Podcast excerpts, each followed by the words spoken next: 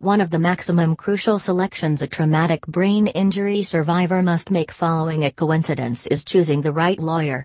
Finding the first-rate legal professional in your case can be a frightening project, particularly for a person with a mind injury. According to attorney Rodney Diggs, choosing a legal professional needs to not be taken gently in Wisconsin, due to the fact the regulation right here makes it extraordinarily tough to hearth your private damage legal professional and find a new lawyer to take over your case.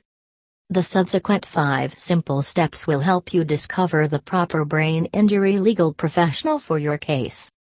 Pick out the form of case you have got. Begin by way of identifying your precise coincidence.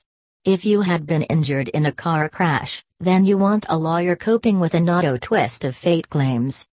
If, however, you have been injured in a semi truck crash, you then need a legal professional that has efficaciously treated tractor trailer injuries within the past.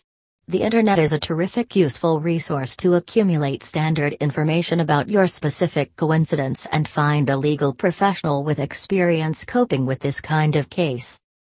As an instance, behavior and Internet look for your country, automobile coincidence legal professional, your kingdom, truck twist of fate legal professional, etc.